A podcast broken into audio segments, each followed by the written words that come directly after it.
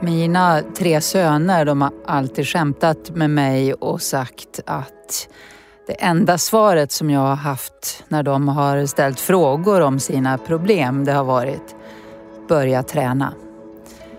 Och så länge jag kan minnas så har jag tänkt att träning det hjälper mot allting.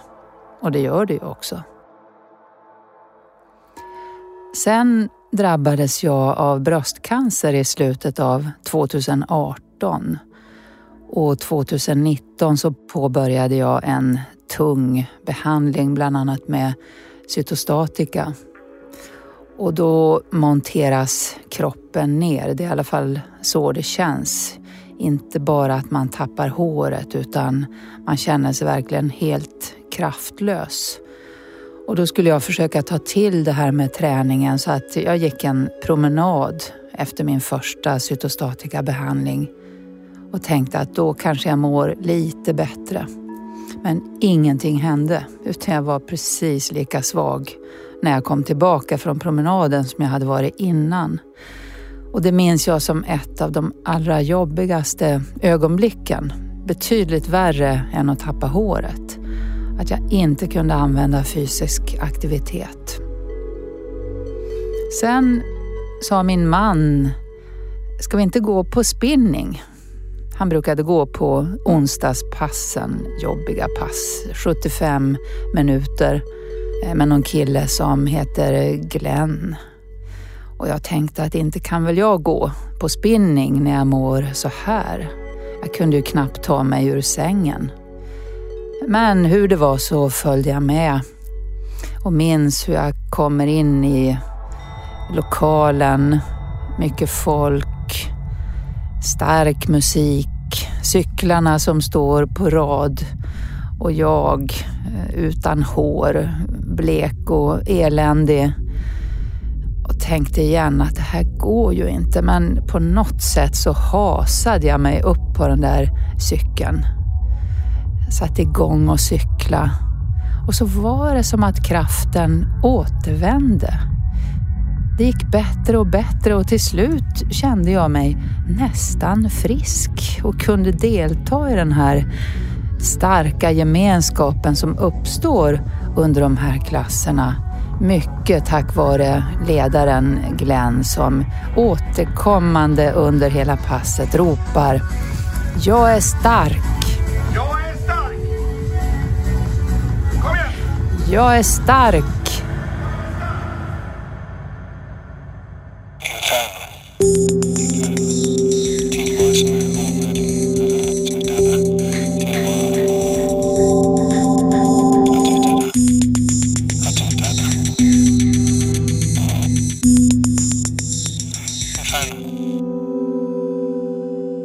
Varmt välkomna till Inferno podden där vi pratar om det mörker som kan drabba människor men också olika vägar ut ur mörkret. Jag heter Ulla-Karin Nyberg. Jag är psykiater, arbetar mest med självmordsfrågor. Jag forskar och skriver böcker om det ämnet och träffar väldigt många människor som är drabbade av mörker och försöker hjälpa till så att vi tillsammans kan hitta en väg vidare. Och den här podden den sponsras av Fonden för psykisk hälsa som arbetar för att minska stigma runt psykisk sjukdom och att stödja forskning som handlar om psykiatriska tillstånd. Jag är så glad att du är här idag som gäst i Inferno Podcast, Glenn Karlsson. Mm. Och vi möttes ju på ett lite speciellt sätt kan man säga, på varsin spinningcykel. Och vi har ju egentligen inte pratat så mycket utan eh, när du leder klasserna så ger du små vignetter ur ditt liv. Eh, och jag la ihop de här vignetterna och tänkte att den här mannen har ju en historia att berätta. Och då började vi prata lite grann. Mm. Hur minns du det? När jag träffade dig så du var lite nyfiken och frågade saker kopplat till mina pass då. Och jag kombinerar ju mina erfarenheter där det var tufft eller när jag haft ont eller vad som helst. Och koppla det till träningen och hur man kan ta sig ur det. Så att använda dem, dem som en styrka och inspiration för andra då. Det, det är bra tycker jag att visa att det går att vända när man har det tufft och jobbigt, antingen om man har ont eller man är deppig eller vad som helst. Så eh, utnyttja det som kraft i träningen. Och jag vet ju själv hur det är när jag ibland går till träningen så har jag ingen lust att köra pass. Inte ens om jag, jag vet ju att jag älskar det men just då i vardagen så mår man inte så bra. Men sen när jag går dit och träffar er och kör klassen så blir man ju lycklig. Jag är ju lycklig, det är en symbios. Det är inte jag som och ni utan det är vi allihopa tillsammans. Mm, det är verkligen ett starkt vi. Och det här har ju att göra med dina erfarenheter i livet. Så vill du berätta, hur började allt det här? Ja, eh, jag eh, växte upp i Kalmar och eh, hela min barndom, så länge jag minns, så var min mamma ganska sjuk. Och första gången jag blev medveten om det var när jag var fem år när hon var inlagd på sjukhus och jag hade en hemsamarit som hette eh, tant Svea som tog hand om mig när jag var fem år.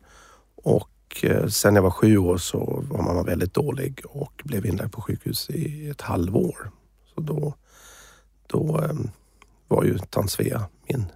Alltså hon tog hand om mig i ett halvår. Min pappa arbetade och var den gamla klassiska familjen där pappa var arbetare och mamma hemmafru. Eh, så att eh, det var tant Svea som jag umgicks med. Och sen fortsatte det med att mamma var sjuk i omgångar. Ganska svårt sjuk och jag eh, var medveten om att ambulansen kom och hämtade mamma och hon var borta. Och, ja, man, man visste det, det var en del av vardagen. Och sen tänkte man inte så mycket på hur andra har det utan det är min verklighet. Så det var ju det jag var tvungen att hantera. Och vi växte upp i ett, eller jag växte upp i ett lägenhetsområde i Kalmar med mycket folk och stökigt och bråk. Och jag brukar säga det att man fick ofta stryk. Men så lärde man sig springa fort. och man fick också bli lite street smart. Så jag har haft nytta av det i mitt liv sen jag bott utomlands. Att läsa av miljö och människor och situationer för att klara mig.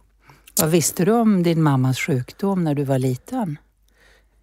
Alltså jag, mm, jag visste att hon kunde dö.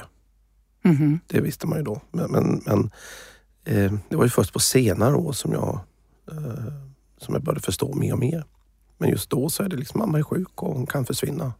Det liksom... för, för, förklarade man för dig vad det var för sjukdom? Inte direkt så. Förutom när hon, hon försökte ta livet av sig när jag var sju. Men, men, men då är man sju år. Man, mamma försökte dö. Och, för att man förstår inte riktigt liksom, innebörden av innebörden, det. Förutom att hon kan försvinna. Sen så, så när hon var hon hade astma, hon fick KOL dessutom för hon rökte mycket. Eh, och astman var ju det som var, och kolen var ju det som var jobbigast för hon fick ju andnöd med jämna mellanrum och var helt blå i ansiktet. Var då vi tvungna att ringa efter ambulans för att hon skulle ja, få medicin så att hon kunde andas då. Och det minns du tydligt? Ja herregud, det var jag som ringde till ambulansen ofta och mm. Liksom den, den oron att se mamma åka iväg och sen det som är jobbigt är när man blir 11, 12, 13 och börjar gå i skolan och Grundskolan var inga problem, för det, den var inte så svår för mig så att jag klarade av den ändå så att säga. Men gymnasiet var fruktansvärt för då var man tvungen liksom att, och dessutom blev man mer medveten om det då. Ja, man sen, jämför sig på ett annat sätt. Ja, och sen så jag blev ju, jag fick ta hand om mamma. Det var din roll ända ja. sedan du var liten? Ja. Och eh, min pappa tillhör den gamla stammen så att han tröstade sig med alkohol och ja, jag tror att min empatiska förmåga förstärktes i, av denna, denna miljö. Då, så att jag såg ju att mamma mådde dåligt och pappa mådde dåligt. Men de hade liksom inget sätt att ta sig ur det här. På den tiden så gick man ju inte till psykiater eller psykolog. Mm. Så pappa löste det på sitt sätt och mamma fick ju den hjälpen men hon, hon, hon, kunde inte ta sig ur det där utan hon rökte, rökte mycket och idag skulle man ju säga att du får inte röka. Men hon gjorde det. Och... Hade hon en psykisk sjukdom? Ja, det, det, har framkommit sen då. Jag fattade inte det då. Nej. Eh, så att eh, hon hade en form av eh, paranoid schizofreni. Just det. När man förlorar verklighetsuppfattningen av och till. Ja, det gick i skov om man säger så. Det var liksom inte alltid så utan jag minns ju henne som en fantastisk mamma. Hon var helt underbar och alltid snäll och omtänksam. Och, men sen var det perioder när hon mådde dåligt. Och jag vet att jag själv har suttit i samtal med henne och försökt förklara för henne att det här är ju inte, ja, det är inte du och du mår inte bra och vi kanske ska åka till läkaren nu. Och det var ju, jag tror jag var 13-14 första gången jag satt och förklarade för mamma detta. Då. Men du, du säger att eh, min empatiska förmåga stärktes av att finnas i den miljön. Det finns ju många sätt för ett barn att hantera en sån miljö. Men för dig blev det en förstärkning av din empati. Hur kommer det sig tror du? Det kan jag faktiskt inte svara på. Alltså, vi hanterar ju situationer på olika sätt. Då. Jag har ju två storebröder. Men den ena är 12 år äldre. Han flyttade hemifrån när jag var sex då. Och eh, min andra bror flyttade hemifrån när jag var 13. Han är fyra år äldre, så att han var 17. Och för dem, de trivdes inte i miljön. Och liksom, man flyttade hemifrån då. Men jag satt ju där och tyckte att jag, jag kan inte flytta hemifrån. Utan jag brydde mig om mamma för mycket. Du kände det ansvaret redan som litet barn? Ja, som tonåring i alla fall. Ja. Och också att du var viktig? Ja, det, ja, precis. Jo, men mamma och jag hade en väldigt, väldigt stark. Hon såg att jag kunde hjälpa henne så vi, vi bondade så att säga så. Eh, pappa var också viktig men, men han var inte den, alltid det stödet som jag hade behövt då. Eh, så att mamma och jag hämtade energi och gav energi från varandra. Då. Försökte hon förklara för dig någon gång hur det var att förlora verklighetsuppfattningen Nej, till exempel? Det, det var alltså det, hela den här situationen sån som jag förstått senare då. Ja. Förutom att jag läste ju av det hela och förstod att liksom, jag såg ju mamma som den riktiga mamma. Det var mamma som inte mådde bra. Ja, det gör ju barn. De ser ju sin, sin Ja. förälder. Och det var lite roligt, att jag inte tänkt på så mycket då, men jag såg att pappa mådde dåligt och jag såg att mamma mådde dåligt. Så att eh, när jag var 14-15, så innan pappa gick till jobbet, så tvingade jag honom att du går inte förrän du har kramat mamma. Jaha. Och eh, jag tvingade honom att krama mamma. Och jag såg liksom hur de, de fick göra det varje morgon när han gick till jobbet då. Och det blev en helt annan känsla liksom. Och jag kunde, jag vet inte vad det var som gjorde att jag såg att det är klart du ska krama mamma. För att hon blev glad och han blev glad. Och det, men istället för att man tar avstånd så försökte man trösta varandra i den här svåra situationen. Då. Du förstod värdet av kroppskontakt och tröst och vad man kan Ja. göra för varandra i svåra situationer. Precis. Men sen så gick ju det här, det var en ganska, alltså tonåren var ju inte roligt. Och, och min egen så att säga terapi blev ju tröstäta. Så att jag gick ju upp i vikt då, så jag var ganska vanlig, vanlig ung, smal, vältränad kille när man var ung i tonåren. Men sen när man var 14-15 då så gick jag upp väldigt mycket i vikt. Då. Och då blir ju nästa del ganska hemsk när man blir kallad för tjockis och fetknopp i tonåren. Ja. Och, Eh, man blev mobbad helt enkelt. Så att i skolan blev man ju mobbad och eh, det var ju sjukt jobbigt. Och sen så problemet när man är mobbad är att man blir ju inte så trevlig själv då. Så jag blev ganska fientlig och liksom lite elak i munnen och man blir taggig själv. Ja, det är klart. Eh, så det var liksom, jag mådde inte bra. Jag tröstade åt och sen kom jag hem och tog hand om mamma och pappa. Och du vet, mamma fick man ju ibland... Alltså man var ju jätteorolig så att jag åkte ju hem på luncherna för att titta till henne. Eh, för att se att, för hennes andnöd kunde komma ganska plötsligt då. Och hon blev ju ännu sämre så till slut kunde hon inte gå utan rullator. Eh, för att hennes skol blev så illa. Så du levde i en ständig skräck att din mamma skulle dö? Ja, eller framförallt en stark oro kan man säga. Eh, och det var hela min uppväxt då. Och, och när jag var 16-17 så var det fruktansvärt jobbigt. Då visste jag inte riktigt hur jag skulle ta mig ur det där. Men du såg andras behov. Var det någon som såg dina? Var det någon som uppmärksammade att du kanske hade behövt lite hjälp och stöd? Inte på den tiden, nej. Det var faktiskt ingen som såg det. Ingen? Inte i skolan heller? Nej, man, alltså man blir ju slänger ut trådar. Det som skilde sig var att, att jag har haft, när det är som jobbigast, man letar efter positiva tecken. Så att om en lärare sa att man var duktig i skolan så det, var, det tog jag med mig hem. Liksom. Det var min lilla egen gåva. Eh, och sen så, så man plockade människor, man, man har mycket tentakler ute. Det är så jag skulle förklara det när man har den här empatiska förmågan att man läser av allt och alla. Och sen hittar man en del människor som ger en energi. Och då tar man till sig det som en liten gåva och, och värnar om det. Så att jag kan uppleva tio dåliga saker och en positiv så kommer jag ihåg den positiva. Det är den som ger mig styrka. Det där tror jag ligger väldigt mycket i. Jag känner igen mig i det. Jag har också samlat på vuxna under mm. hela mitt liv. Eh, vuxna som har sett mig och som har varit mm. snälla och som har bekräftat mig på olika sätt. Alla kan ju inte det. Men det kanske har med empati att göra på något plan. Ja, någonting har det ju. Att, eh, jag har ju den här känslan av att kunna läsa människor, framförallt stötta människor har jag ju haft hela tiden. Sen är jag ju, och det vet ju du då Ulla-Karin, att, att jag är väldigt utåtriktad och social. Mm. Och det har både varit en gåva men också lite grann en förbannelse för att jag jag kommer ihåg när jag var sex år i förskolan så jag ska alltid skrattat jättemycket. Och de kallar mig för, det är lite roligt, de kallar mig för Glenn Skrattmås. Jaha. När jag gick i förskolan då, för jag skrattade hela tiden. Då. Och jag tror, jag har inte visat i skolan fullt ut hur dåligt jag mått. Så att många av mina vänner vet ju inte om detta. De har inte sett den här bilden utan man har ju sett den sociala Glenn och sen även då den jobbiga Glenn ibland. Eh, men sen har ju min, min fördel har ju varit att jag är oerhört nyfiken. Så att min styrka i mina svarta stunder var att jag fann glädje i att läsa, drömma om miljöer som jag ville uppleva. Eh, så när man läser mycket så drömmer man om exempelvis att åka till USA eller uppleva nya miljöer, nya människor, äventyr. Så jag läste oerhört mycket böcker hela tiden. Och sen lyssnade jag på fantastiskt mycket musik. Så jag låste in mig på rummet, läste och lyssnade på musik och drömde. Och framförallt tecknade mycket, målade. Du hade uttrycksmedel. Du, vad var det din mamma eh, förstärkte hos dig och vad var det som var så viktigt mellan er?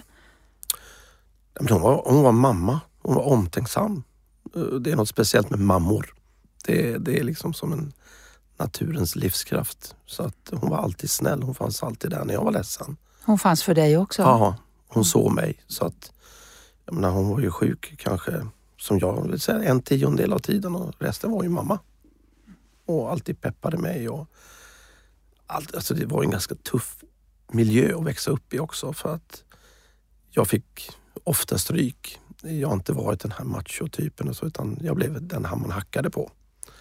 Och jag kommer ihåg vid ett tillfälle där det var en fyra, fem killar som slog mig.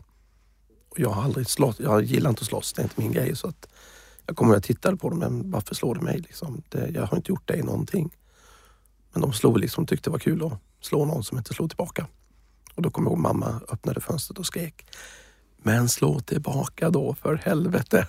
Gjorde hon det? Ja, hon tyckte liksom då.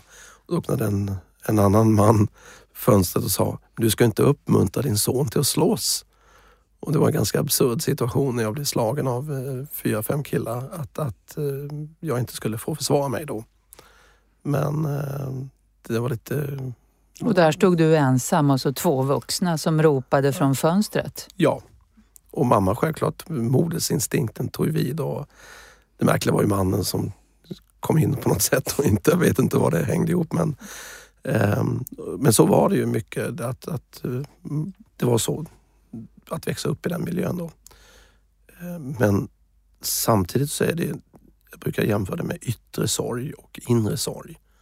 Så yttre sorg, det, är liksom, det berör inte mig. Det är tufft. Det påverkar mig negativt. Men så länge jag har den här inre glöden så man biter ihop. Och det var min räddning då. Liksom. Jag hade alltid mig själv. Så att, ehm, jag, jag har tänkt på det många gånger. Man funderade ju på liksom, så ska man ta, ta livet av sig och avsluta det här. Du tänkte så själv också? Ja, tankarna kommer ju när det är som jobbigast förstås och, och när allt är liksom mörker i, i all miljö, både skola och hemma. Och, men det har, jag har en oerhörd nyfikenhet av livet. Liksom. Jag har alltid känt att det här är en gåva. Jag vill leva.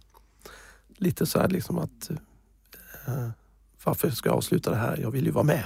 Jag vill uppleva det här fullt ut. Och sen har jag nog alltid tänkt att det är svårt att tänka det när man är tonåring. Man vet ju inte vad som händer. Man, man, man, man upplever ju livet liksom fullt ut utan livserfarenhet.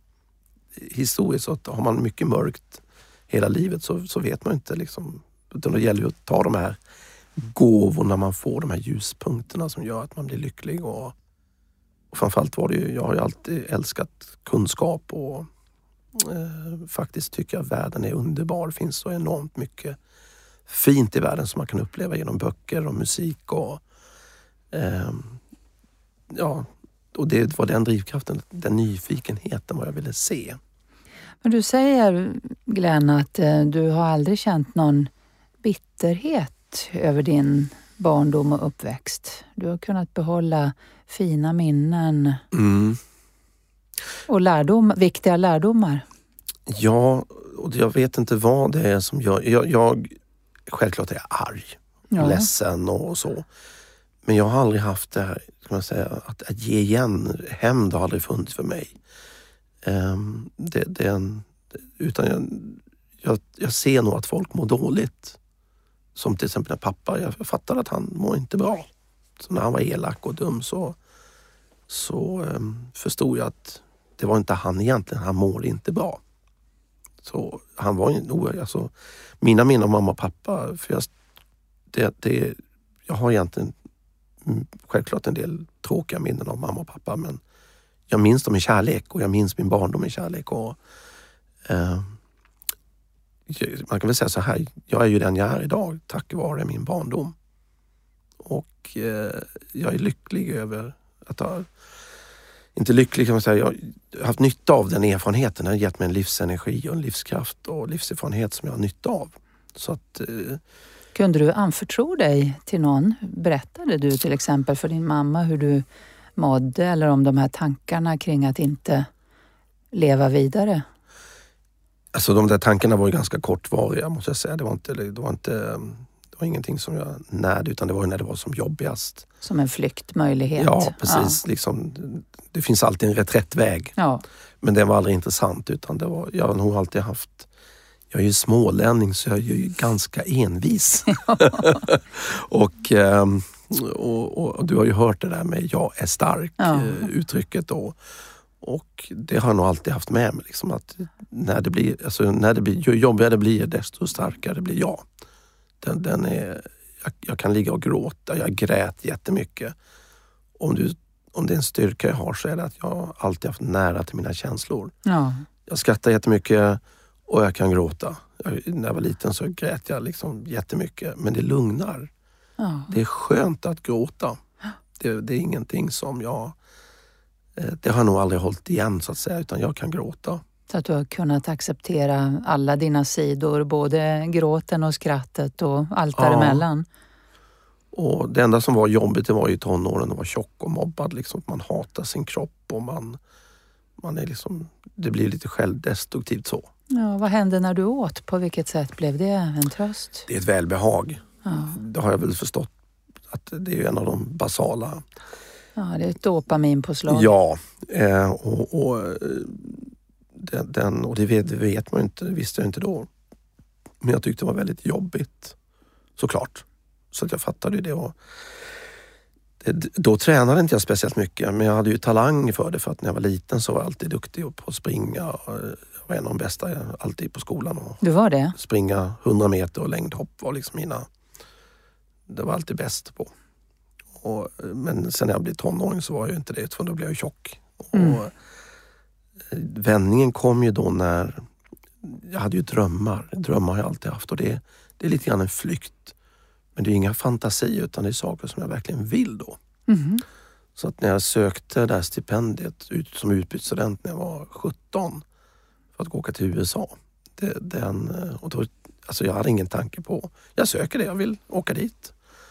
Och sen finns det ju, jag har nog alltid haft den här, vad säger, det här med solidaritet. Eh, inget politiskt begrepp utan mer att, att hjälpa varandra och, och, och stötta varandra. Då, det har jag alltid haft den positiva kraften i mig.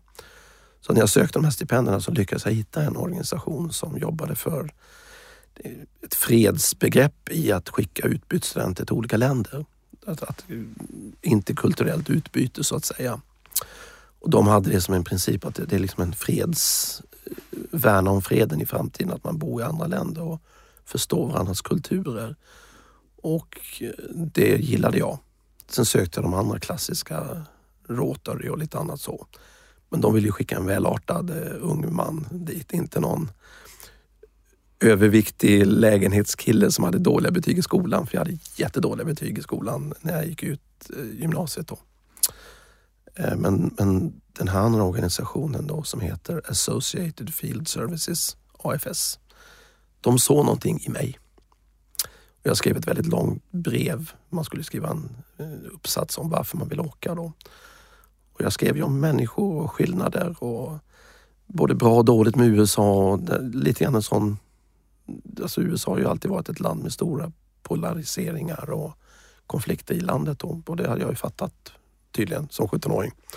Så de tyckte att du ska få åka dit och eftersom vi inte hade så mycket pengar så stöttade de oss också ekonomiskt. För jag hade inte så mycket pengar.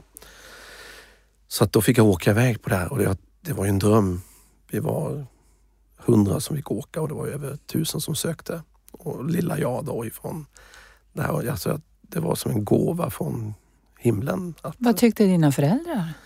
Ja, mamma var mest nervös. Hon ville inte att jag skulle åka. Hon, hon, var, ville inte hon var orolig att förlora mig.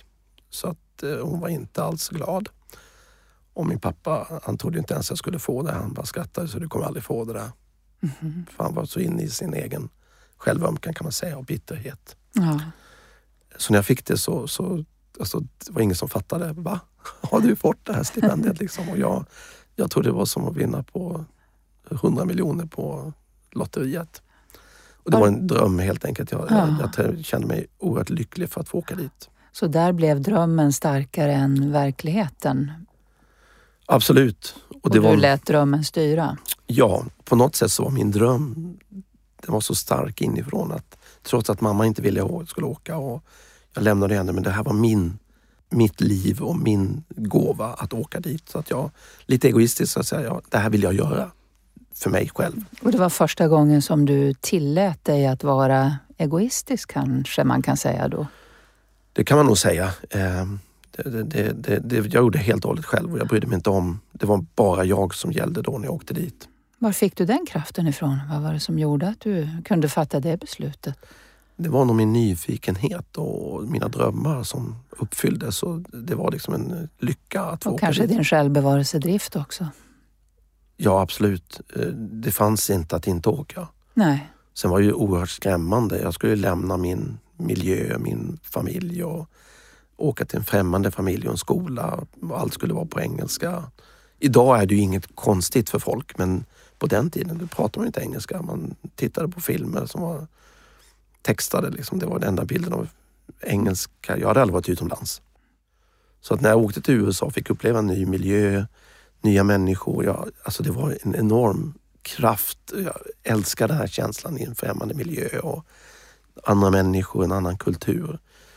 Men du kom hem från USA eh, och då var du 18? 19 var det. 19 var du då. Så det var mellan, det var mellan tvåan och trean. Och då, och då bodde du hemma hos slutförde gymnasiet. Jag förstod det som att du också hade väldigt goda betyg i USA. Ja, på den tiden man hade ju det här med skala 1 till 5. Så när jag åkte dit så hade jag 2 och 3. Jättedåliga betyg, men det var ju inte för att jag var dum utan för att jag inte mådde bra. Men i USA så fick jag bara A. Jag älskar att läsa och fick en enorm energi plus att jag tränade så att jag blev en sån här honor student och kom hem och visste då att jag kommer klara det här det var en underbar känsla. Liksom, att jag visste, jag fattade att det var min miljö som påverkade mig. Du förstod det sambandet. Kände du dig dum eh, när nej, jag du, när du dum. åkte nej, dit? Nej, aldrig. Utan det, det... Jag har förstått varför det sker. Ja. Och, och, kan vara ledsen så vet jag att det finns en väg ur det. Eh, men när jag kom hem då hade jag den tryggheten. Jag vet att jag kommer klara det här. Var det, upphörde mobbingen då när du kom hem från USA? Var, det, var den tiden över? Tro det eller ej, men jag kom hem som en ung vältränad man med långt lockigt hår. Så flickorna flockades kring mig. Problemet är att mentalt så var jag fortfarande tjock och ja. inte omtyckt av tjejer. Så att mentalt fattade jag inte att att, eh, att de var intresserade av mig. Så att eh, jag blev faktiskt tillsammans med skolans Lucia. Bara en sån sak. Och jag tyckte att hon var jätteknäpp som var intresserad av mig. Så att, men jag gav upp till slut för hennes mm, ska man säga, flört och frieri. Så att, eh, men jag fattade fortfarande att, jag, att, att hon ville ha mig.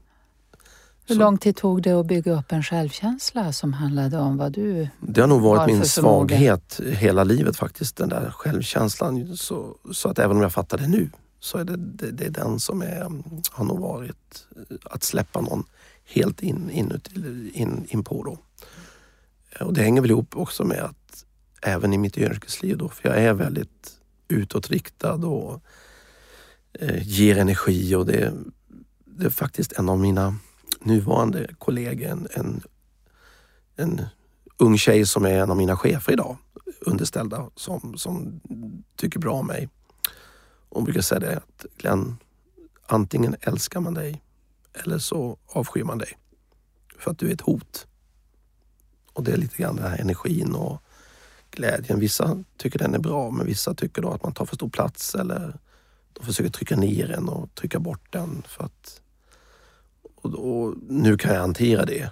Hur, man- hur hanterar du det? För det kan ju väcka minnen. Om man har blivit mobbad så kan ju det komma upp till ytan. Men hur hanterar du det på ett vuxet sätt? man får ju vara lite nyanserad och kanske dämpa sig och inse att, att eh, man får väl vara diplomat och inse att antingen så tycker de att jag är en bra person och gör de inte det så då kan jag inte göra någonting åt det. Då kan du acceptera det och låta det vara. Ja, och de som sen gillar mig, jag brukar ofta höra det att du vinner i längden Glenn. och det kan ju vara så att jag är väldigt osvensk. Jag har bott i USA, jag har bott i Thailand, i Afrika, i Mellanöstern och, och då tar man till sig lite från varje kultur. Så att jag är inte svensk. Nej. Jag är multikulturell i min personlighet. Och, Ja, det är du verkligen. eh, och det är lite osvenskt då att jag kan ju på spinningen säga jag är stark Mm. och vill att ni också ska känna det. Det är ju inte att man är bättre än någon annan. Jag är stark. Det betyder inte att någon annan är dålig. Det betyder inte att någon annan är svag. Nej. Utan jag är stark. Ja, och, och eh, de- den har jag alltid haft med mig. Så jag blir, alltså, I värnplikten så blev jag ju vald till sån här förtroendeman, fick företräda de värnpliktiga. Och, eh, för, Du får förtroendeposter. Därför att det inger förtroende också att vara en sån som får andra att växa. Det, och jag menar väl. Och menar väl, precis. Men du kom hem och sen... eh, Eh, jag bodde hemma eh, tills jag var 25. Eller jag bodde hemma i lägenheten med mamma till jag var 23. Och din pappa, var han där också då? Ja, han var där. När jag var 23 så blev mamma så svårt sjuk att hon blev inlagd på sjukhus och kom aldrig därifrån. Jaha.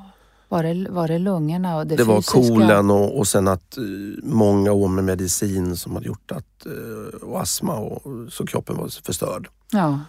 Det var ju egentligen den egentligen tuffaste perioden när, när mamma var döende kan man säga i två år. De ringde från sjukhuset och sa att nu är det dags och sen så klarade hon av sig. Eller klarade hon av det och sen så fick man åka hem och sen så efter någon månad så ringde de igen och nu är det dags. Och det var dig de ringde till och det var du som De ringde till mig och åkte pappa. dit? Eh, men det höll på så i två år. Oj. Och eh, under den tiden så fick jag ta hand om pappa för han var ju jättenere. Och eh, kunde inte hantera det fullt ut. Så att säga, så det, Han hände. fortsatte att dricka? ja, det var hans sätt att hantera Ja, det hela. Så ja. Det var inte det att han var redlös men han dämpade sin sorg och ledsenhet. Eh, så Ja, det hjälper ju stunden. Ja, och, och det är svårt. Alltså, han är en gammal bondson. Från, alltså, det fanns inte att han skulle visa sig vara svag fast han, man såg ju att han var, mådde dåligt. Då. Och eh, under den här perioden så kände jag att, att, att jag höll på att gå sönder av... Det var för mycket att ta på mig, hela det ansvaret. Då. Både min egen sorg, mammas... För jag hade ju dödssamtal med mamma när hon sa att nu vill jag dö, jag orkar inte mer. Jag vill, Mm. jag vill avsluta det här nu. Och eh, sen ja, ta hand om pappa samtidigt. Då. Sen ska man komma ihåg det, och det vet ju du då, att jag har ju haft knäskador. Som första gången jag skadade mitt knä var 16 år när jag var väldigt tjock och överviktig. Då. Ja. Och på den tiden opererade man inte knän så att jag gick med ett avslitet korsband i fyra år. Gjorde till och med värnplikten med ett avslitet korsband. Eh, men mellan jag var 20 och 25 så opererade jag ena knät sju gånger.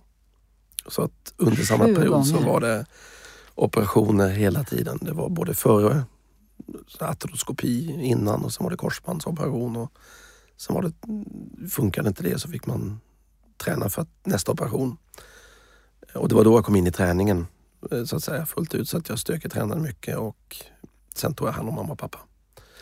Men när jag var 23 så kände jag att det här det går inte. Jag håller på att explodera av sorg. Så det var då en väninna, en av mina bästa vänner som vi fortfarande är vänner, som läste till psykolog som sa Glenn du måste prata med någon. Det, det, det måste du. Då ringde jag till eh, en psykiatrin på Kalmar lasarett och jag behöver någon att prata med. Och det hade du aldrig gjort innan? Du hade inte fått någon som helst psykologisk hjälp?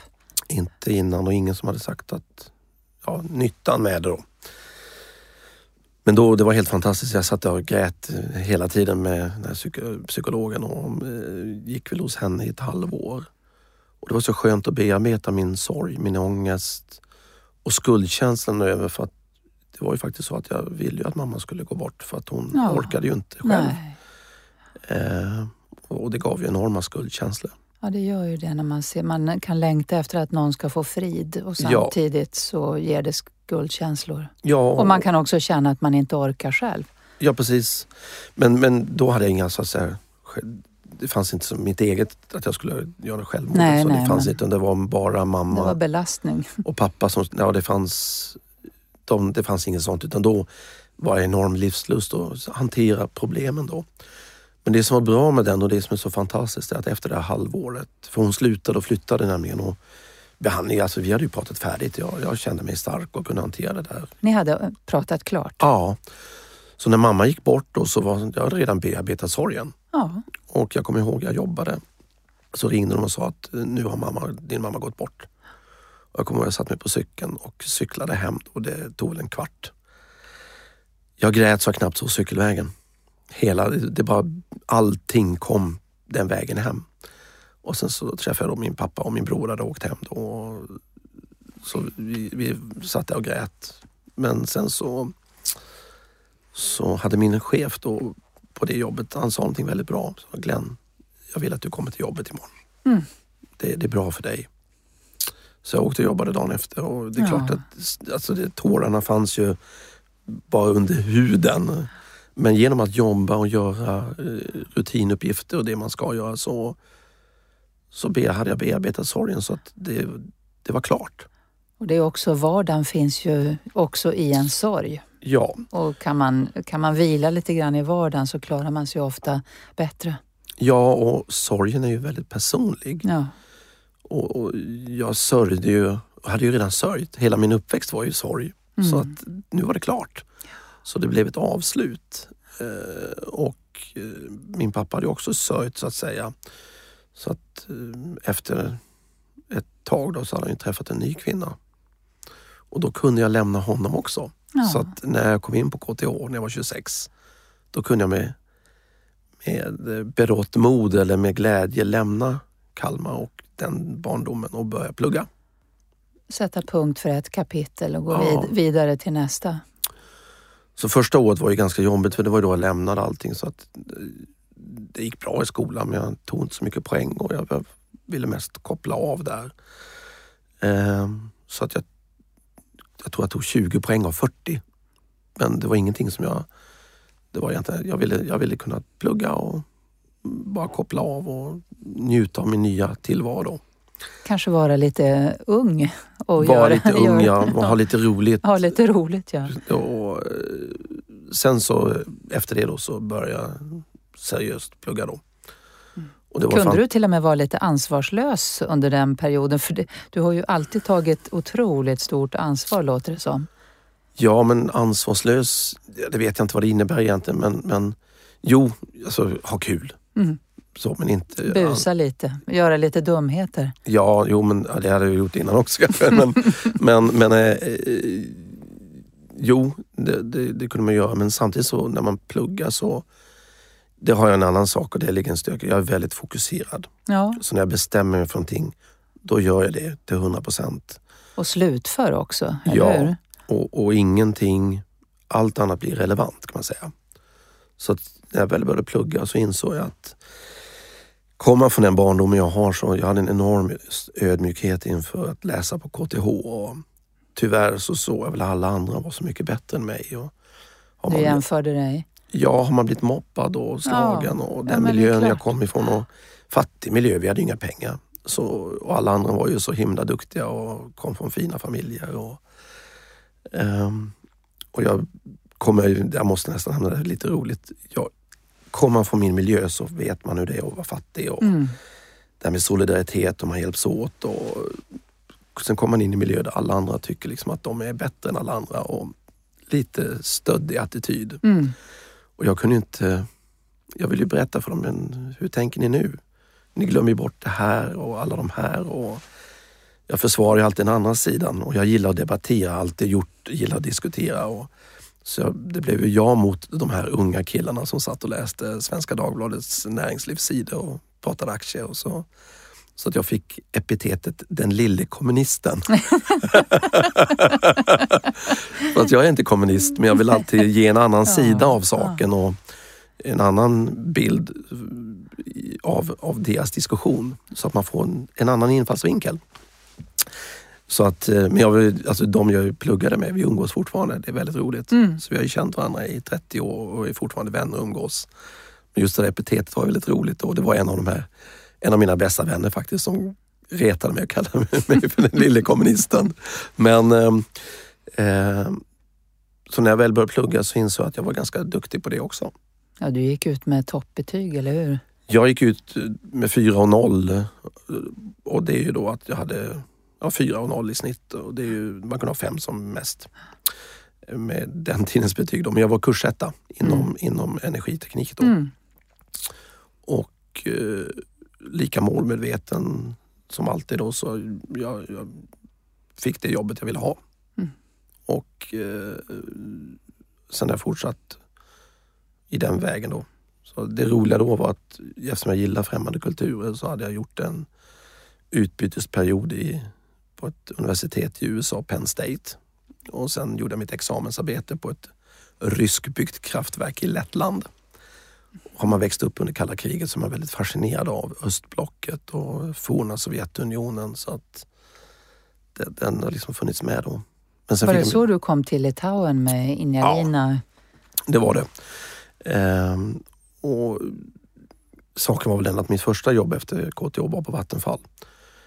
Jag gjorde exjobbet där och sen fick jag jobb innan jag var klar med examen. Och sen så frågade de, vill du åka till Bangkok och jobba? och jag kunde ju knappt hålla mig. Jag höll på att hoppa av stolen av lycka. Nästan samma lycka som när jag hade fått åka till USA. Så att jag tackade ja till det.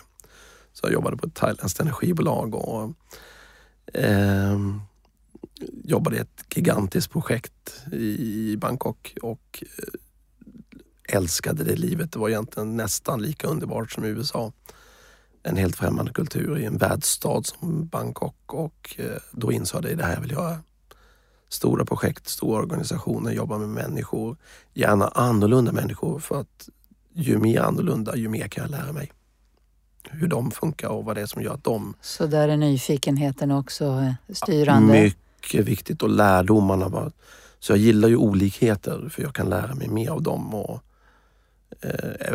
och där var jag ju omtyckt för att de, de tycker om människor som är utåtriktade och skrattar mycket. Så att jag var ju väldigt omtyckt av thailändare, både killar och... Vad kallades du där då? Fick du något smeknamn där också? Nej, inte direkt. Eller de kallar mig, de säger kun eh, som vän. Så att man kallar ju kun Glenn. Kunglen. Mm. Så jag umgicks med thailändarna privat. Eh, Jag blev deras mm, ja, kompis så att säga. Så de unga thailändarna tog ut mig. Så jag har till och med sjungit karaoke på thailändska. och det roliga med thailändare som vi har mycket att lära oss av, det är att de skrattar inte åt dig, de skrattar med dig. Så de skrattar mycket men det är med kärlek och omtanke. Och det har vi mycket att lära oss av. De mobbas inte, det är, de skrattar med dig och det är mycket omtanke med varandra. Mm. Så där när jag kom hem då så visste jag vill göra det här så att eh, när jag fick frågan om att vill du ta det här projektet att åka till ett ryskt kärnkraftverk? Då kunde jag inte tacka nej. Jag såg det som ett äventyr. Och framförallt idag är jag lite, lite förvånad för att jag var själv. Jag satt mig på ett plan, åkte till Litauen och åkte 16 mil ut i land på landsbygden precis på gränsen till Vitryssland och ett ryskt kärnkraftverk och sen så fick jag ett kontrakt i handen och ett ryskt projektteam och nu får du köra det här projektet. Och du skulle vara med och lägga ner Injalina, var det så? Hela projektet handlar om det. Ja. Det är ett gigantiskt projekt. Eh, Det är över 30 miljarder och det pågår fortfarande så att säga. Jaha. Så jag åkte dit 2004. Så jag var ansvarig för första delen av stängningen då 2004-2005.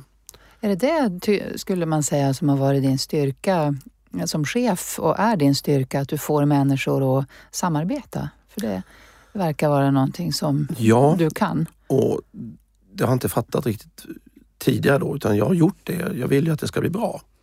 Och jag ser nog att människors styrkor och förstärker de styrkorna istället för att kritisera människor. Så vi har alla brister. Mm. Jag, jag bryr mig inte om andras brister. Jag bryr mig om deras styrkor och det de vill som ska bli bra och locka fram det. Så att när jag kom till Ryssland och blev projektledare så var ju som frågade vad tycker ni och hur vill ni ha det? Det var de väl ovana vid kan jag tänka mig. Ja, de sa till mig så att You are not a leader. så då insåg jag det att då får jag bli som dem. Så jag blev ganska dominant och styrande och bestämde för att de skulle få respekt Få för mig. respekt i början. Men sen finns ju alltid det här med att hjälpa till och coacha och när något blir fel så brukar jag inte kritisera folk. säga, Ja, men det här blir ju inte så bra. Hur löser vi det här? På ett Ja. vänligt sätt och vad kan jag hjälpa dig med?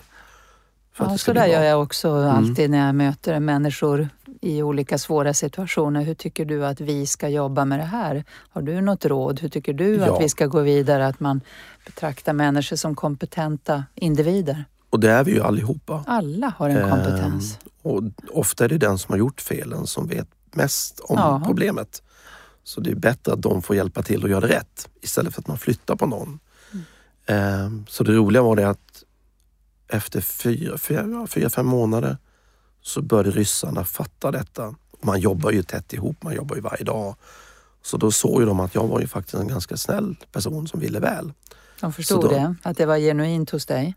Så de, eh, det slutade med att de började ta egna initiativ och komma med egna lösningar. Och till slut funkar vi som vilket svenskt projektteam som helst. Och det var fantastiskt för de är väldigt intelligenta och välutbildade. Så att jag brukar säga det att jag bygger dream team.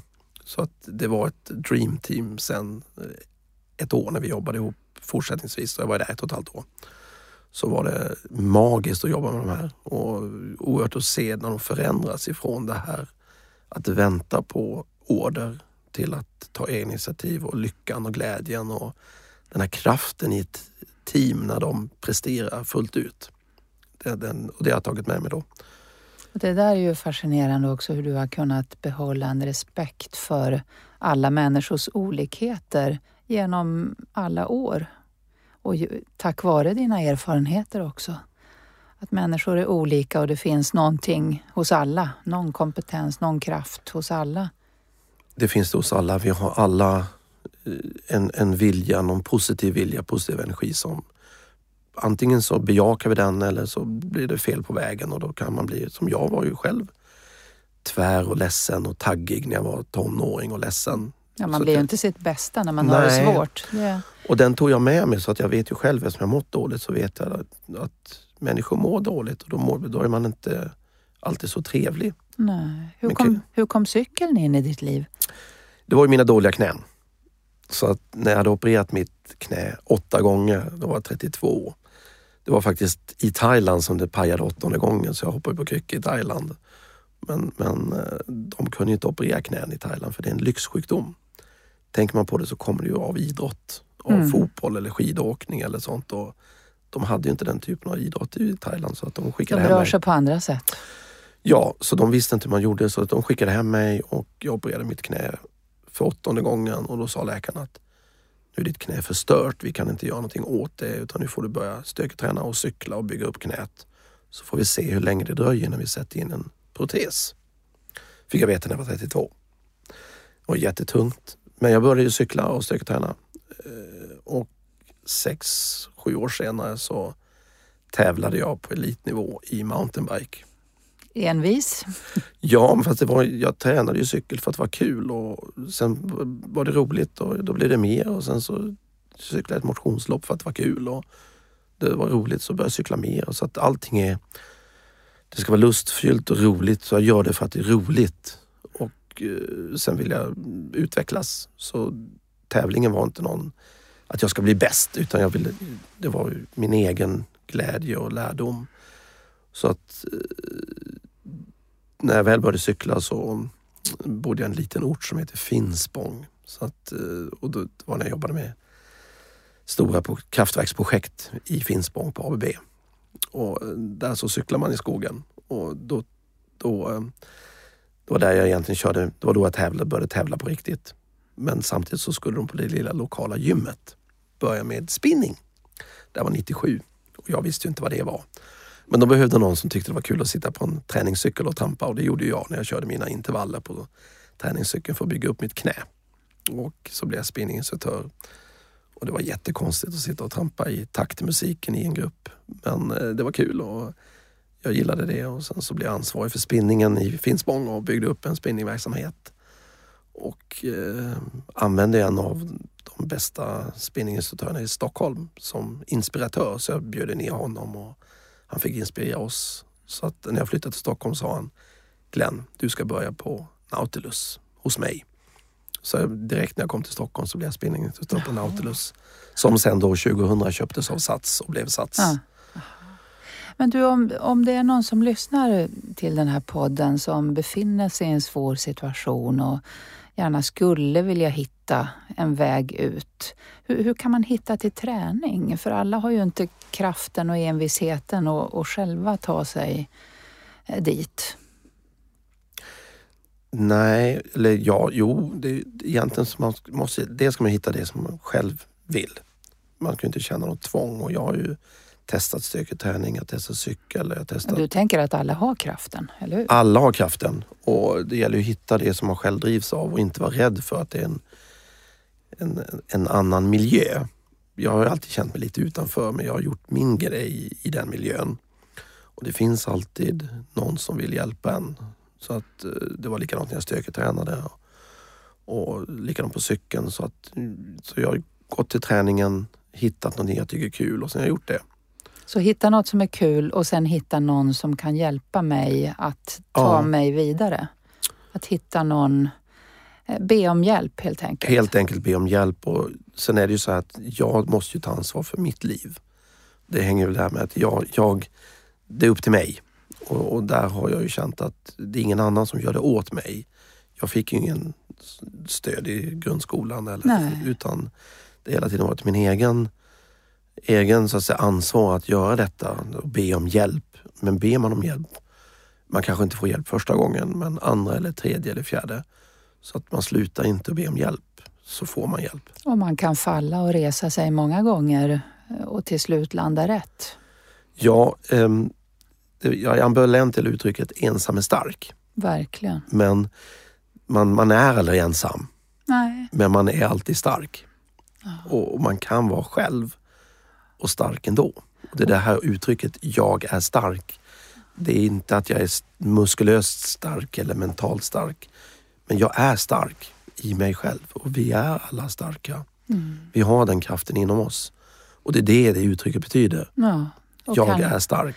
Kanske också att se andra, att lyfta blicken och se andra och tänka att andra har också gått igenom svårigheter och man behöver inte skämmas för att be om hjälp eller säga att man är tillfälligt svag. Det är, inte, det är inte svaghet utan det är en styrka i sig att och, kunna be om hjälp. Och det märker man idag på sociala medier. Det är många som faktiskt säger det att man visar upp en, lite, inte en fake bild, för man visar, men man visar bara upp en sida mm. när det är allt är bra. Eh, men alla, även de mest framgångsrika, och det vet vi de är framgångsrika artister och idrottsmän som faktiskt har tagit livet av sig för att de mår dåligt och, och de vågar inte visa den sidan då. Nej. Men alla framgångsrika människor mår dåligt. Det är oh, ja. mänskligt att må dåligt. Ja. Det gäller att förstå att, att det inte är det som definierar oss, för vi är människor. Och det är inte heller sjukdom som definierar oss utan man är så mycket mer än, än sina sjukdomar som du fick lära dig då. Jag är ju den jag är tack vare mamma och pappa Mm. och de erfarenheter jag har. Och eh, även om min barndom var ganska hemsk med både sjukdom och misshandel och död så har- jag ju vänt detta till ett eh, positivt. Och vändningen kom ju när jag var 18 år i USA och eh, insåg att eh, det var inte mig det var fel på utan det var miljön och uppväxten. Och när jag kom hem därifrån så var jag ju mycket starkare och visste att jag, jag kommer fixa det här. Och även om mina första 25 år var jättetuffa så de sista 32 hittills har ju varit helt fantastiska och jag har gjort saker jag inte kunde drömma om. Eh, så att på sätt och vis är jag tacksam över min barndom för den har gjort mig till den jag är och eh, mycket starkare.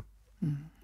Och vi är många som är glada att du är den du är och att du gör att vi känner oss starkare, för så, så är det. Man går alltid från din klass och känner sig starkare, gladare, befriad. Det är som att allting försvinner under den där klassen. Det är jätteroligt att du säger det. Det är ju svårt för mig att veta det men, det är, för mig är det min största passion i livet. Och, och framförallt det här mantrat, jag är stark. Det är ganska roligt men det är ganska många unga tjejer som har eh, mässat mig och sagt att när jag födde mitt barn Glenn så tänkte jag på ditt mantra. Jag är stark. Ja. När det var som tuffast. Så mantrat är ju det är ett mantra. Och upprepar man det alltid när det är jobbigt så och det, man gör det till sitt. Det är inte jag som, utan det, man, man hittar sin mening med det Jag är ordet då. stark på mitt sätt. Ja, Jag önskar att jag kunde ordinera alla jag möter en spinningklass. Är säker på att om det fanns som en självklar del eh, i den psykiatriska vården så skulle många må betydligt bättre. Men vi ska ju testa det nu i ett stort forskningsprojekt med människor som har försökt ta sitt liv. Mm. Ett samarbete med Idrottshögskolan. Så ska vi ha en behandling där fysisk aktivitet ingår. Så det ska bli spännande.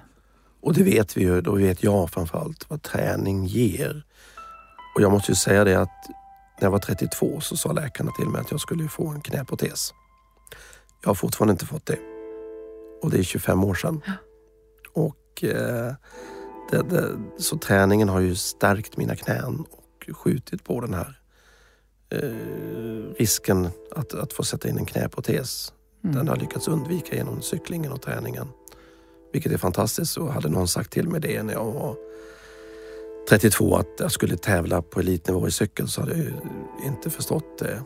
Eller framförallt när jag var 18 år och åkte till USA att jag skulle vara den jag är idag så skulle, ingen, skulle jag aldrig förstå det. Nej. Så den här, det finns fantastiska möjligheter i livet och vi har ju alla nycklar inom oss. Det gäller bara att öppna upp rätt dörrar. Det får bli slutorden. Tusen tack Glenn för att du kom hit till Inferno Podcast. Tack för att jag fick komma hit.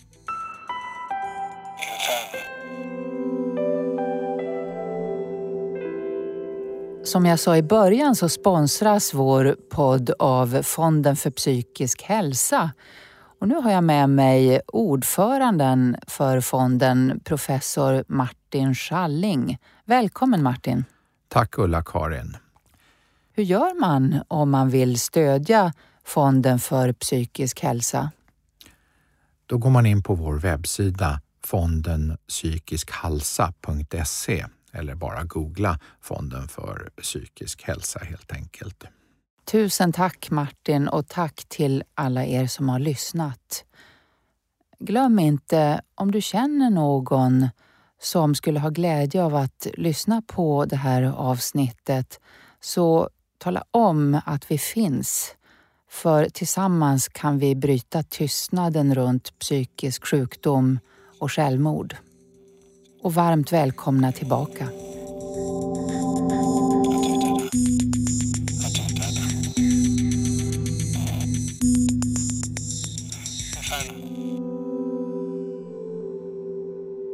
Det här programmet görs på Beppo. Beppo. Beppo. Beppo.